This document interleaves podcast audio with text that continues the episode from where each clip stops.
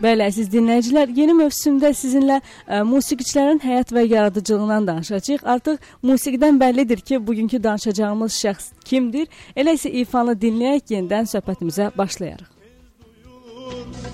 Unutsun beni demişsin bende kalan resimleri mektupları istemişsin üzülme sevdiceğim bir daha çıkmam karşına.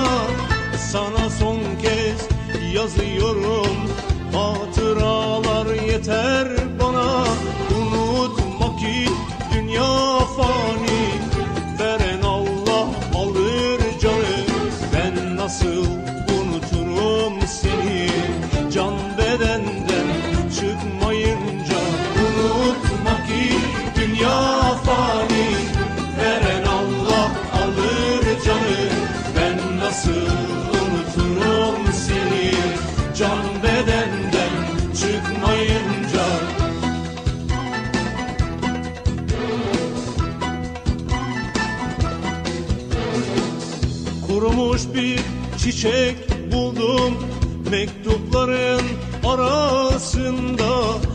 tek onu saklıyorum. Onu da çok görme bana. Aşkların en güzelini Yaşamıştık yıllarca. Bütün hüzünlü şarkılar Hatırlatır seni bana. Unutma ki dünya fani. Veren Allah alır canı. Ben nasıl Can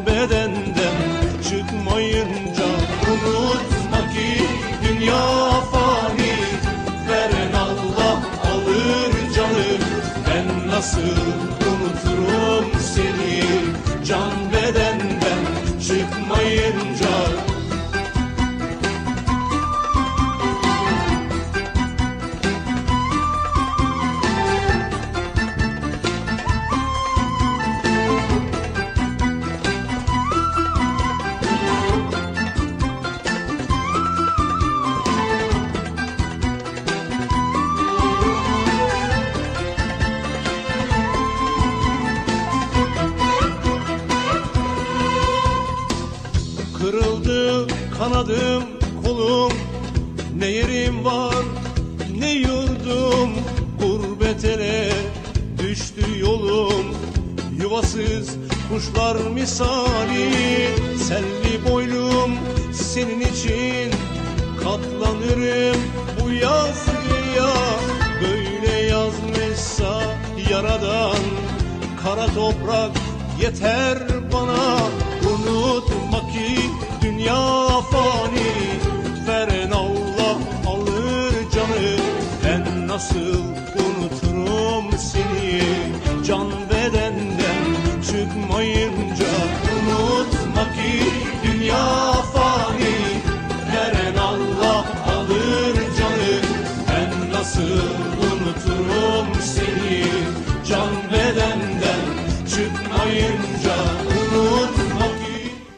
Bəli, əziz dinləyicilər, bu gün haqqında danışacağımız şəxs Barış Mançodur.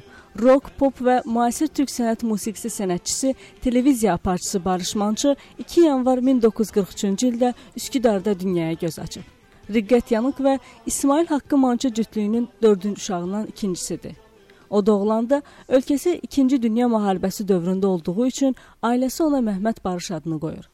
Anadolu rock və pop musiqisinin qurucularından sayılan uşaq yaşlarından musiqi təhsili ilə böyüyən Mançonun anası Riqqət xanım türk sənət musiqisinin sənətkarlarından biri idi. O hətta Zəki Mürənin də müəllimi olub. Barış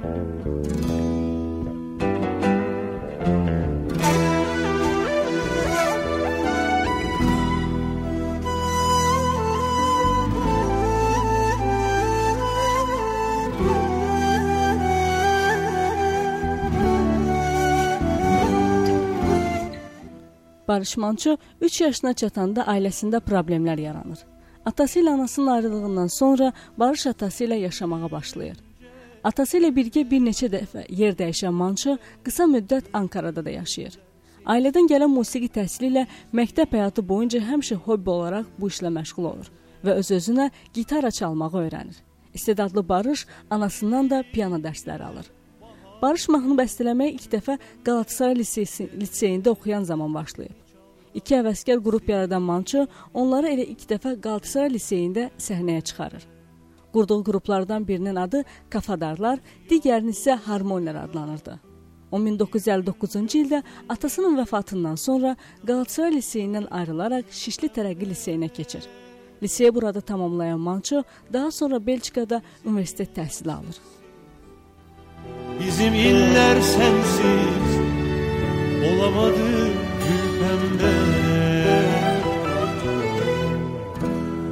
Dudağında son bir türkü gül pembe.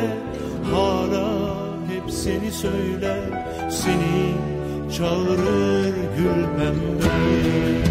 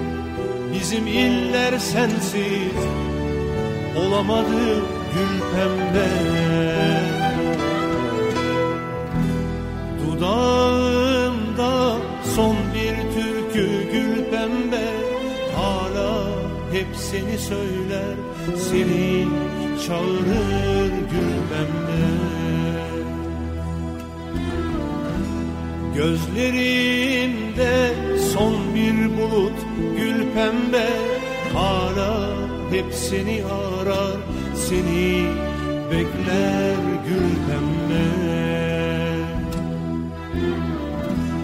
Dudağımda son bir türkü gül pembe hep seni söyler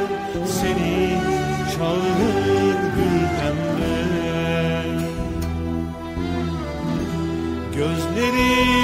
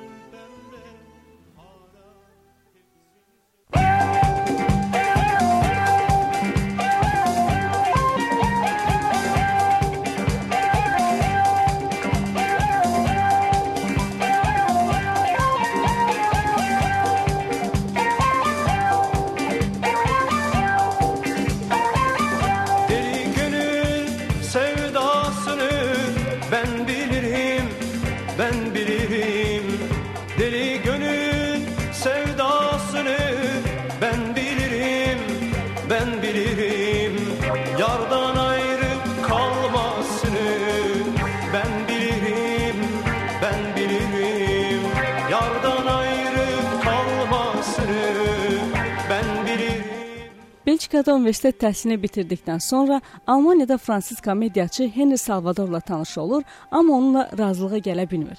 Almaniyada böyük qardaşı Savaş Manço ilə yaşamağa başlayan Barış bir müddət avtomobil gözətçisi və ofisiant işləyir. Bu arada mahnı bəstələməyə davam edirdi. Almaniyada Belçikalı şair Andrea Soulaçla tanış olduqdan sonra o Mançonun sözsüz bəstələrinə söz yazır. Kömür, kömür gözleri var Yumuk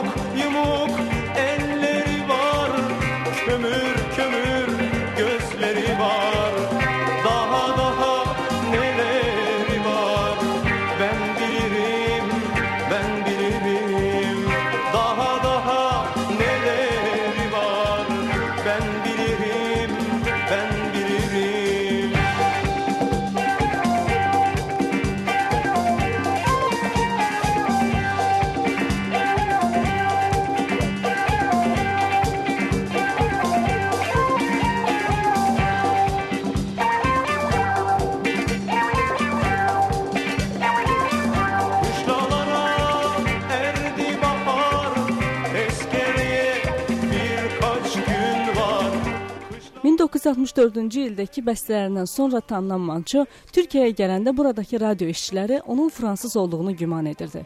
1967-ci ildə Barış Fuad Gülər və Masar Alansonla birgə Qayğısızlar qrupunu yaradır. Amma 1970-ci ildə qrup üzvləri yollarını ayırır. Elə həmin il o Fransada yeni adsız qrupu yaradır. Bu qrupla birgə uzun turneye çıxaraq 52 konsert verir. Turne zamanı Antalyada konsert verən Manço qrupundakı xarici əsilli musiqiçiyə görə həbs edilir. Ertəsi gün məhkəməyə çıxarılan Barış Manço sərbəst buraxılır və qrupu ilə birgə Belçikaya dönməli olur. 1972-ci ildə Kurtalın Ekspresi qurduqdan sonra Qamzədeyin və Ölüm Allahın əmri mahnılarının yer aldığı ilk valını çıxarır. İlk valını çıxardıqdan sonra isə o əskərliyə gedir. Əskərlikdən gəldikdən sonra işlərinə daha da sürətlə davam edən sənətçi 1974-cü ildə Hey jurnalı tərəfindən ilin kişi sənətçisi seçilir. 1979-cu ildə çıxdığı Anadolu turnesinin bütün gəlirini danışma və görmə məhdudiyyəti olan uşaqların müalicə və təhsilinə xərcləyir. –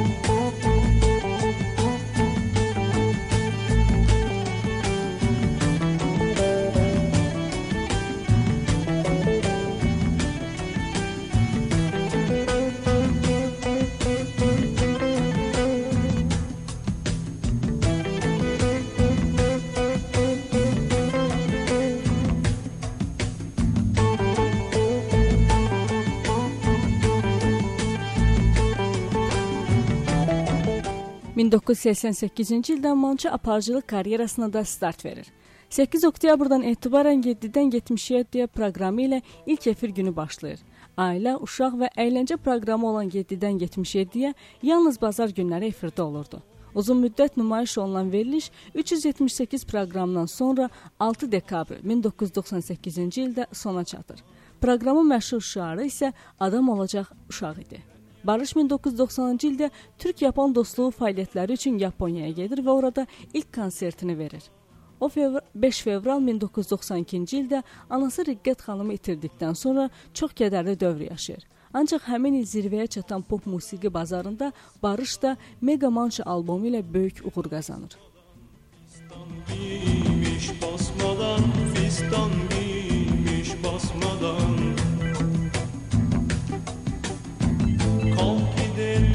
every day.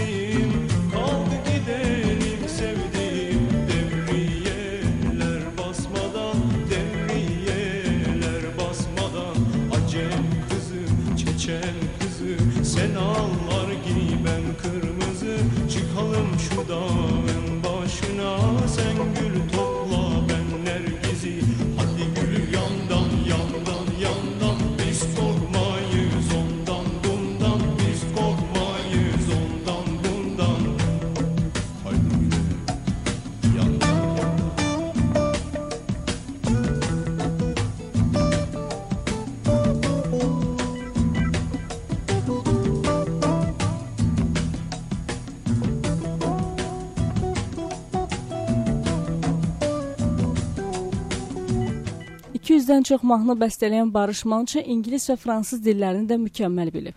Həyatı boyunca 300-dən çox mükafata layiq görülən sənətkar Azərbaycanda dəfələrlə konsert verib.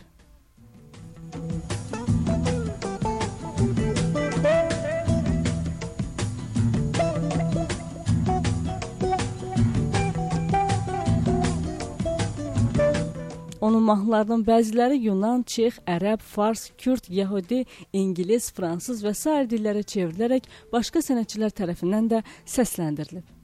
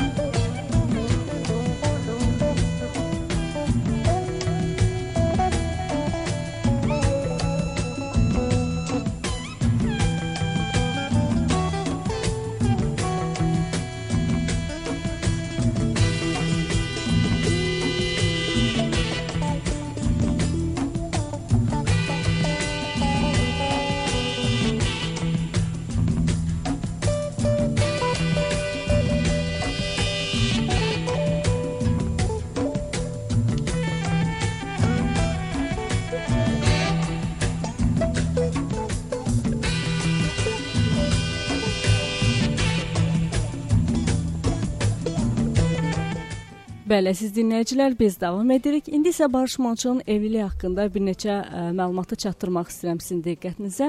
Barış Manço'nun ilk evliliyi uzun illərdən sonra ortaya çıxıb. 1970-ci il 31 yanvar günü Belçikanın Ley şəhərində maraqlı nikah mərasimi baş keçirilib. Nikahda Barış Manço'nun əynində babasından qalan üzərə gümüş işləməli bənövşəyi rəngli 175 illik tarixi olan köynək var idi. Gəlin Belçikalı fotomodel Maria Claudia isə ağ gəlinlik əvəzinə qara rəngli geyimdə olub. Ancaq bu evliliyin ömrü 40 günlük oldu. Desək yanılmarıq. Nikahdan 40 gün keçmiş Barış Manço həyat yoldaşından boşanmaq üçün məhkəməyə müraciət edir və bunu belə açıqlayır. Bir-birimizi anlaya bilmədik. Düşünürəm ki, ayrılmağımız ikimiz üçün də daha yaxşı olacaq.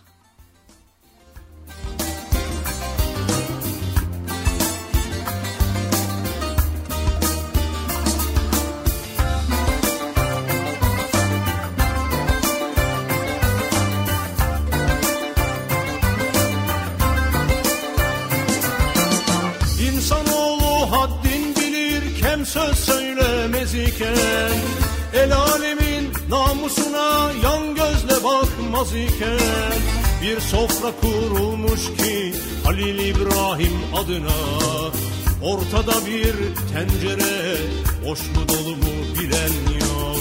Bir sofra kurulmuş ki Halil İbrahim adına Ortada bir tencere boş mu dolu mu bilen yok.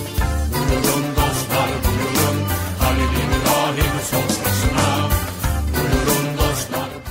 Bu ayrılığın əsl səbəbi isə o zaman Qayğısızlar qrupu ilə çalışan Barış Mançonu gitarada müşayiət edən dostu Fikrət Qızılok ilə Maria Claudia'nın bir-birinə aşiq olması idi. Maria hələ evli ikən Fikrət Qızılokla birlikdə olmağa başlamışdı. Bu vəziyyəti öyrənən Barış Manço da evliliyə heç bir şey demədən sakitcə nöqtə qoymuşdu. kurban edilmemişken bir kavga başlamış ki nasip kısmet uğruna kapı ver kulu al kurbanı hiç soran yok. Bir kavga başlamış ki nasip kısmet uğruna. Kapı ver kulu al kurbanı hiç soran yok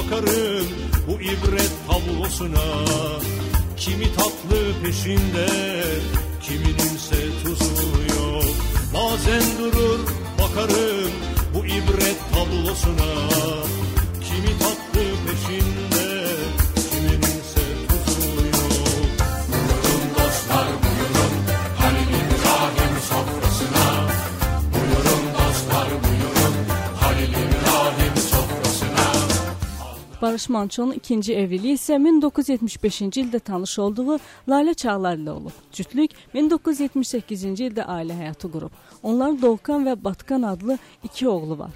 Barış Mançonun ölümündən 6 il sonra sənətçinin 19 il menecerliyini edən Tamer Şahin Barış Manço ilə bağlı hələ yazıb çəkəcək bir neçə sətir qaldı adlı kitabını nəşr etdirib. Kitabın ön sözünü isə Barış Mançonun həyat yoldaşı Lalə Manço yazıb. Tamer Şahin iddialarına görə Mançonun ölümünə onun şəriki Sülhə Aksüd və böyük qardaşı savaş səbəbindən yaşatdığı stres olub. Der her bir yanı altın gümüş taş olsa Dal kabuklar etrafında el pençe divan dursa Sapa kulba kapa itibar etme dostum İçi boş tencerenin bu sofrada yeri yok Para pula ihtişama Tamer Şahin bildirib ki, böyük qardaşı Savaş Manço ondan xəbərsiz pullarını öz borclarını ödəyib. O bu məlumatı öyrəndikdən sonra Barış çox stres yaşayır. Kitabda Mançonun Sülhə Aksüd ilə şərik olmaqdan daha çox peşman olduğu bildirilir. Xəsisliyi ilə seçilən müğənninin şəriklik səbəbindən xeyli pulunu itirməsi də onun stres keçirməsinə səbəb olub. O Barış Mançonun xəsisliyi ilə bağlı da maraqlı fikirlər səsləndirib. Barış abi heç vaxt özü ilə pul götürməzdi. Harasa gedəndə də ödənişi yanındakılar edirdi. Bir dəfə Mersində konsert üçün getdiyimiz 5 ulduzlu otelin mağazasından aldığı çimərlik geyimini ödədiyi pula çox heyfslənirdi. Hovuza girib çıxdı. Baxdım ki, çimərlik geyiminin etiketi hələ də üzərindədir. Bunu ona deyəndə mənə cavabı bu oldu. O qədər pul vermişəm, biraz qalsın etiket. Bir çimərlik geyiminə o qədər pul ödədim. Gözlə mənə xəsis deyən hamı görsün. Yaz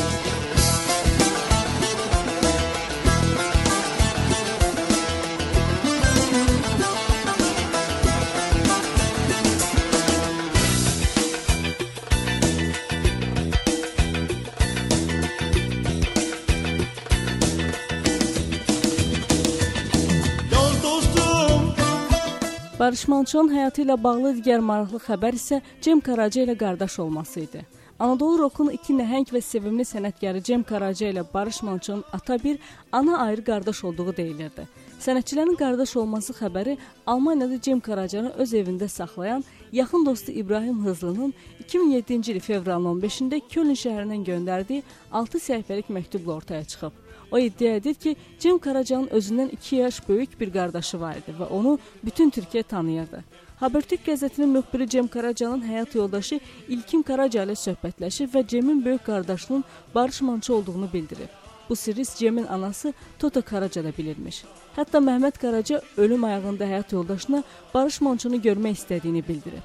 Amma bu son istəyi gerçəkləşdirmək mümkün olmayıb.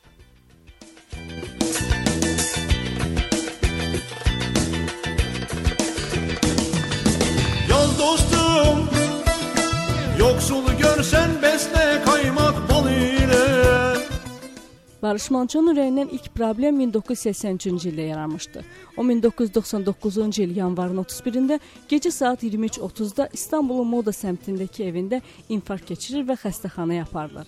Ancaq həmin gecə aparıldığı Siyami Ersək ürək-damar cərrahi xəstəxanasında gecə saat 01:30-da vəfat etdi.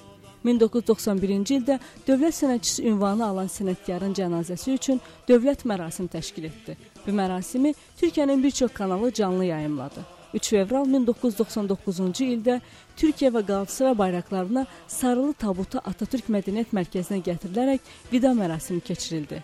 Sonra isə Ləvət məscidində cənazə namazı qılındı. Kanlıcadakı Mihrimah Zuldan qəbristanlığında torpağa tapşırıldı. Məzarına Gesi bağlarının mahnısına görə Kayseri'nin Gesi diyarından gətirilən torpaq da qoyuldu. Barış Mançonun ölümü ilə əlaqədar prezident Süleyman Dəmirəl başda olmaqla bir çox siyasətçilər də başsağlığı verdi. Ölümündən sonra sənətkarın 18 il ailəsi ilə birgə Moda küçəsində yaşadığı ev muzeyə çevrilib.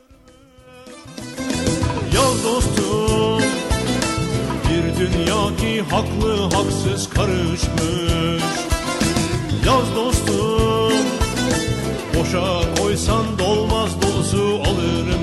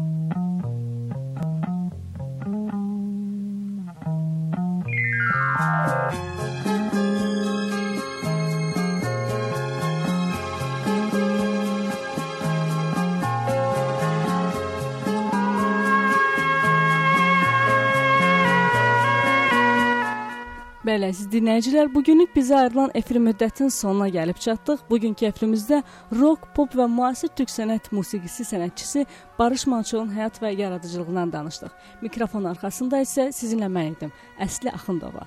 Növbəti efirlərdə eşidilmək ümidi ilə Xudahafiz.